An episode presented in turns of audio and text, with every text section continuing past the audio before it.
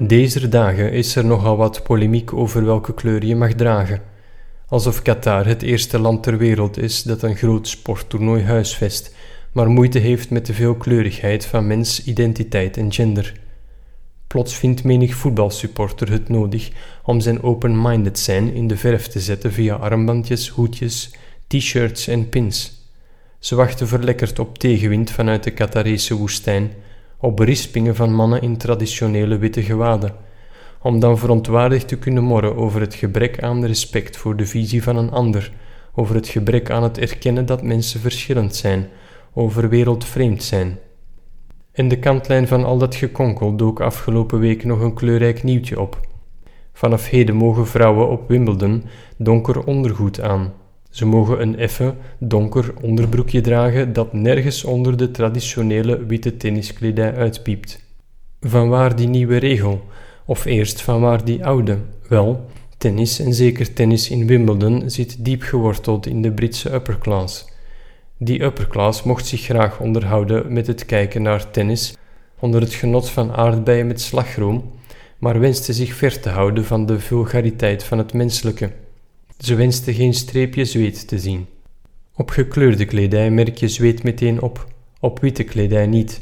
De normale menselijke hoedanigheid werd witter dan wit gepoetst. En hoewel de wereld veranderde en de tennisspelers allengs meer kleur kregen, waren de regels van Wimbledon als in steen gebeiteld. Het heilige gras verdroeg slechts maagdelijk wit.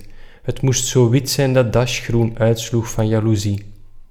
De blanco regels werden strak toegepast. In het verleden zijn meerdere spelers zonder pardon vanwege gekleurde zolen of BH-bandjes die kwamen piepen de kleedkamers ingestuurd.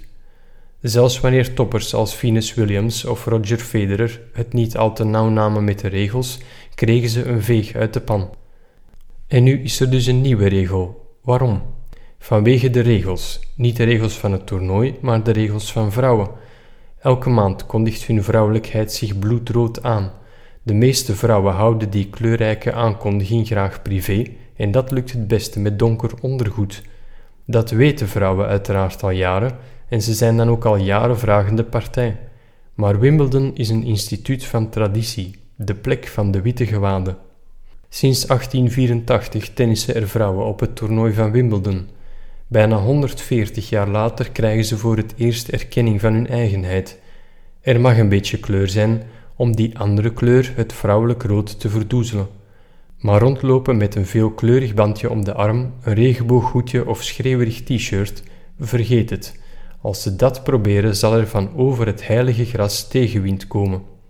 Qatar en Wimbledon liggen ver uiteen en toch lijken ze soms dichter bij elkaar te liggen dan je op het eerste gezicht zou denken.